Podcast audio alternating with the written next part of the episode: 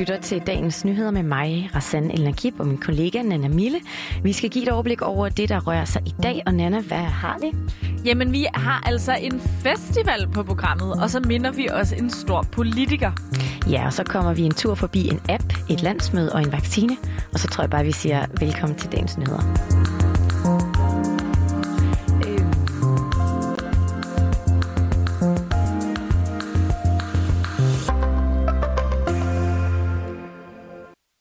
Hassan, jeg er jo sådan et menneske, der øh, elsker festivaler, kan jeg i hvert fald øh, se, der er blevet skrevet ind i mit manus. Det ved jeg ikke, om jeg gør, men det er der i hvert fald mange mennesker, der gør. Øh, så øh, de seneste år har det ligesom været rigtig nederen for de her festival-elskere. Altså, hvordan har du det med festivaler? Jamen, jeg er heller ikke, øh, jeg er, jeg er faktisk ikke sådan en, der tager på festival. Jeg ved ikke, om det er den eneste ung nogenlunde, der ikke gør det, men... Øh... nej, nej, jeg tror, vi er flere derude, men selvfølgelig er det mega ærgerligt. Jeg har selv sådan en drøm om, selvom jeg ikke har gjort det meget, så har jeg sådan en idé om, nu er det nu, jeg skal til det. Og derfor så er der faktisk godt nyt, i hvert fald til mig, for i dag der starter to dages online festival med Heartland. Og for lige at blive klogere på det, så har vi altså talt med Janne Villassen, der er program- og udviklingschef på Heartland Festival. De næste to dage, der ville Heartland have fundet sted i virkeligheden, hvis der ikke havde været corona. Det, der så i stedet for kommer til at foregå, det er, at vi streamer vores initiativ Take Part ud på vores kanaler øh, over lørdag og søndag, hvor man kan opleve talks og koncerter. Ja, så mere konkret, så er det altså to gratis streams og to talks og to koncerter. Altså, så der er en af hver, der er en talk og en koncert hver dag på de her streams. Og temaet for de her talks og koncerter, det er ikke et hvilket som helst tema. Vi har været så heldige, at vores partner Albani har øh, haft lyst til at støtte op omkring Take Part og har meget generøst hjulpet os med at realisere det her lille indholdsprogram, øh, som handler om at sætte fokus på, hvad det er, kulturen kan, og det fællesskab, som kulturen skaber. Vi lancerer to dage, hvor der er fokus på fællesskab og talent. Vi har to samtaler, som centrerer sig omkring, hvad er det for et fællesskab, som kulturen kan skabe. Og vi har to koncerter med nogle unge talenter, som vi har valgt at sætte fokus på, fordi det er nogle af dem, som har haft det rigtig hårdt her i øh, den her coronakrise. Det var dem, der skulle lige til at slå igennem og ud og spille på de store scener. Men Nana, øh, jeg, jeg, jeg bryder lige ind her, for det her det er jo bare Heartland, og de er jo bare en ud af mange festivaler, der har haft det stramt de sidste par år. Ja, altså der er øh, en ting af Heartland, som har haft det øh, hårdt, men nu gør det her. Altså vi har jo også set Smukfest, Roskilde Festival, helt til Copenhagen, altså har måttet aflyse for anden gang i træk nu. Og derfor så er det altså heller ikke kun Heartland, der vil gøre opmærksom på sig selv. Det er for at sætte fokus på, at kulturen kan noget, som der ikke er nogen andre, der kan. Og det vil vi gerne vise. Og det vil Hapland gerne stå på mål for, og det vil vi gerne være facilitator for, at øh, kulturen kan samle, og det er, til, det er tid til faktisk at bruge kulturen. Det er tid til at støtte op om kulturen. Og det er også derfor, at initiativet hedder Take Part Support Culture, Supported by You. Det er fordi, vi gerne vil med det her initiativ opfordre hele Danmark til at komme ud og bruge kulturen og alt det, som er åbnet. Og husk på, at kulturen er rigtig vigtig, og at næste år, der er vi tilbage, ikke kun Heartland, men også de andre festivaler, hvor vi igen kan stå og samles omkring de store koncertoplevelser, eller de perspektiverende talks, eller den gode, lange fælles middag ud og take part i kulturen. Hvad siger du, Rassan? Det kan være, at du ikke skal på festival, men har du nogle mm. andre sådan, uh, kulturlivsbesøg yeah. på din sommer to do? Ja, jeg er jo øh, jeg, jeg er total kulturmenneske, og jeg, der er virkelig mange ting, jeg savner, kan jeg sige. Mm. Altså at gå øh, på messer for eksempel. Øh, også bare sådan noget som loppemarkeder yeah. og Ja, altså i Odense der har vi jo den årlige H.C. Andersen Festival, og det er jo mest for at tage min lille datter med, hvor der plejer at være sådan skuespil øh, fra, fra H.C. Andersens eventyr, og okay. sådan lidt forskelligt. Jeg skal mange ting. Jeg skal også lidt sådan noget, du ved, bare caféliv, restauranter, og det har jeg faktisk ikke dyrket så meget, selvom at de jo har været genåbnet i noget tid, men øh, det ser jeg frem til.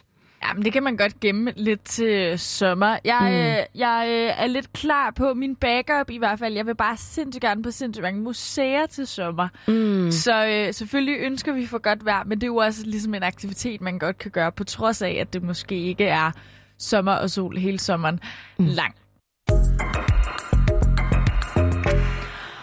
Og nu har vi så også valgt lige at bruge lidt af dagens nyheder på at markere, at tidligere statsminister og formand for konservative Poul Slytter i går gik bort. 92 år gammel blev han.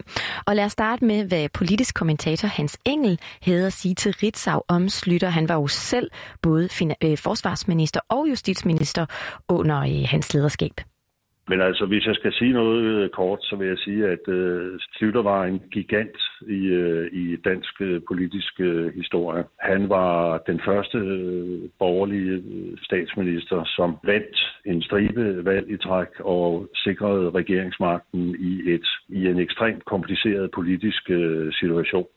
Og Poul Slytter var den eneste konservative statsminister siden systemskiftet i 1901, og han sad altså i statsministeriet i næsten 11 år fra 82 til 93. Han overtog statsministeriet efter at socialdemokratiske Anker Jørgensen gik af uden at udskrive valg, og hvor finansministeren sagde, at Danmark var på vej mod afgrundens rand, rent økonomisk. Og Slytter er mest kendt for kartoffelkuren, som var en række tiltag, der skulle rette op på en dårlig dansk økonomi, og også formået at gøre det.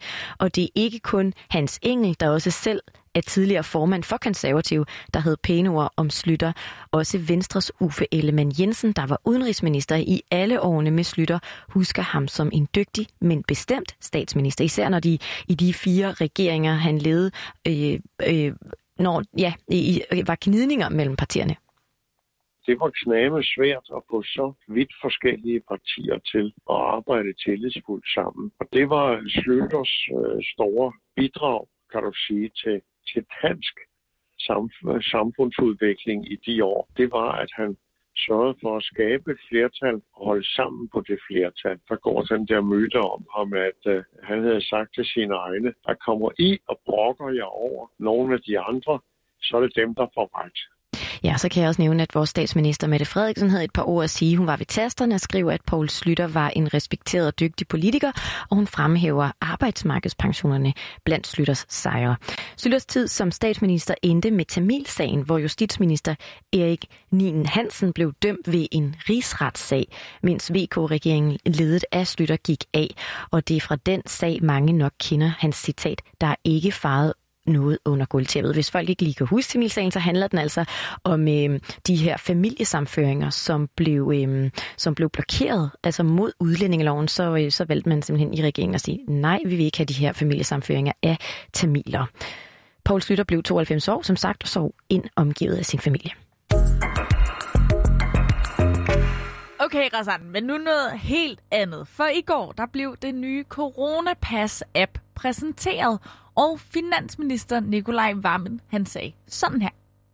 Passet symboliserer på mange måder, hvor langt vi er nået i Danmark. Vi kan igen stille og roligt vende tilbage til et normalt liv. Og med øh, coronapasset, så vil øh, døren igen snart stå åben til lande i EU, hvor pandemien er under kontrol. Og det er også grunden til, at vi står her i øh, Københavns Lufthavn. Fordi tanken er nemlig, at øh, det coronapas, vi præsenterer i dag, det vil man kunne bruge, når man øh, fra 1. juli vil kunne rejse i EU.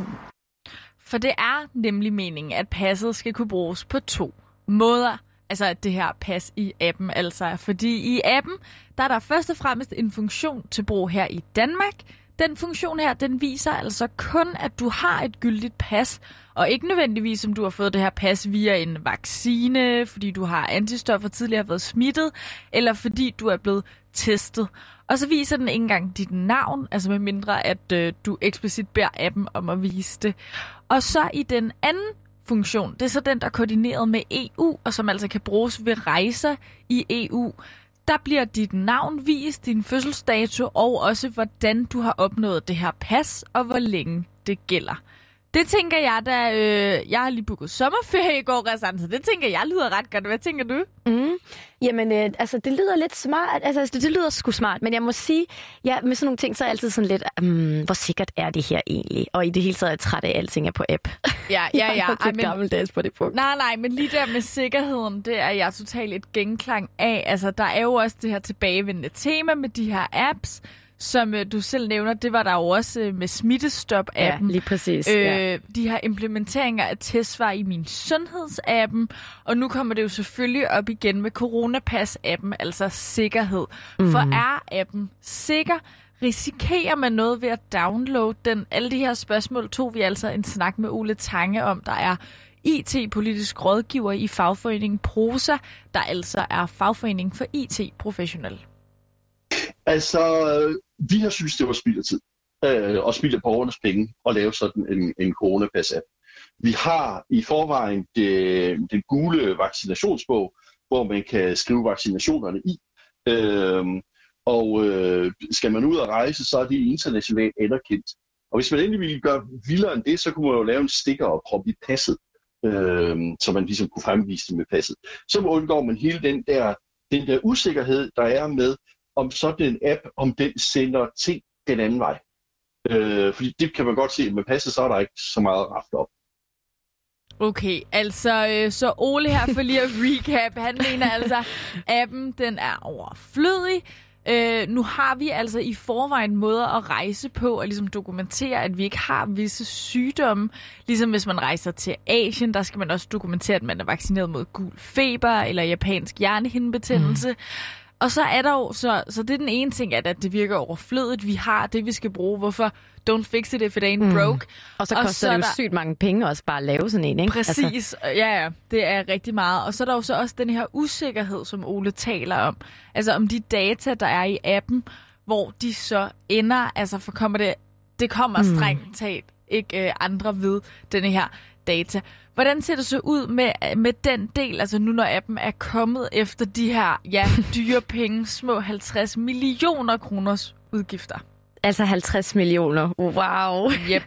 Når det er sagt, så øh, ud af den beskrivelse, jeg har fået opsnuset af appen, så ser det ud som om, at tingene foregår lokalt på den her app. Så det er ikke ret meget mere end en avanceret PDF-fil, som du har til at lægge på din app, på din, på din telefon. Okay, så øh, for dig og mig, Rasal, altså med sådan en øh, pdf-fil der, det skulle sådan set være ok med sikkerheden. Mm. Men hvad så med sikkerheden for myndighederne og for samfundet? Altså vi har jo set, at man kan lave sig et falsk coronapas. Der er endda nogle unge, som er blevet sigtet for dokumentfalsk for at lave et falsk coronapas. Altså, mm. kan man snyde med appen den anden vej rundt? Det kommer Ole Tange faktisk også ind på i sammensætning hvis vi er derhen, så er det, hvor jeg siger, hvorfor så ikke bare bruge en pdf-fil? Der kan jo snydes med pdf-filen, det ved vi godt. Der kan også snydes med appen, fordi altså, hvis jeg finder en jævnaldrende, som har haft corona, og siger, hey, kunne du ikke gå hen og få lavet en test, men bruge mit, øh, mit øh, sygesikringskort, så kan jeg pludselig registrere som om, jeg har haft corona. Altså, det, der, er ikke, der er ikke nogen tvivl om, at man kan snyde med det her. Det er tillidsbaseret, det her. Vi som borgere skal have tillid til, at den her app ikke laver noget andet bag om ryggen på os. Øh, og myndighederne skal have tillid til, at jeg ikke har fået en af mine venner til at gå ind og tage en test. Ja, så den her nye app, som altså i øvrigt er blevet til via strenge EU-regler for, hvad der må stå i passet og hvad det må bruges til, den lader altså for så vidt, som vi hører her, at være rimelig sikker. Og selvom man så kan have en anden diskussion om, hvorvidt det er overflødigt eller ej. Hvad tænker du om det hele, Rassan? Altså, spørger du mig lidt, om jeg har ændret holdning for sidst? Mm, det har jeg nok ikke. Altså, jeg tror lige, jeg skal Nej. bruge lidt mere tid på lige at finde ud af, hvordan jeg egentlig... Altså, fordi som du også sagde før, der er jo, vi har jo...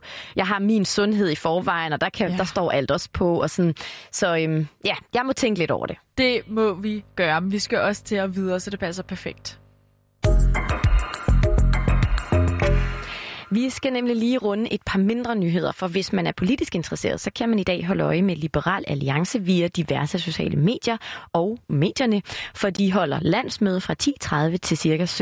17.30, og for politisk interesseret kan det godt gå hen og blive interessant. Noget andet, man så kan holde øje med, selvom det altså er weekend, det er, at EMA i går aftes godkendte coronavaccinen fra Pfizer BioNTech til børn ned til 12-årsalderen. Som det nu er, øh, så anbefaler danske børnelæger kun, at det er børn med kroniske, alvorlige sygdomme, der får vaccinen. Ganske enkelt, fordi at børn mellem 12 og 15 altså ikke er dem, der driver smitten, og fordi Danmark desuden står et ret godt sted lige nu med pandemien. Sundhedsstyrelsen siger, at de selvfølgelig vil undersøge, om det er en nødvendighed at vaccinere de her børn ned til 12 års alderen, for ligesom at holde styr på epidemien. Og hvis det er det, så vil de altså overveje at anbefale det. Men det er altså ikke en selvfølge, at Sundhedsstyrelsen følger EMA. Men uanset hvad, så vil styrelsen melde ud i løbet af de næste uger. Men det er altså også noget, der er værd at holde øje med i forhold til debat og udvikling herfra. Og med det så kom vi igennem dagens nyheder. Din værter har været mig, Rassan El Nakib og Nana Mille, og vi siger tak, fordi du lyttede med.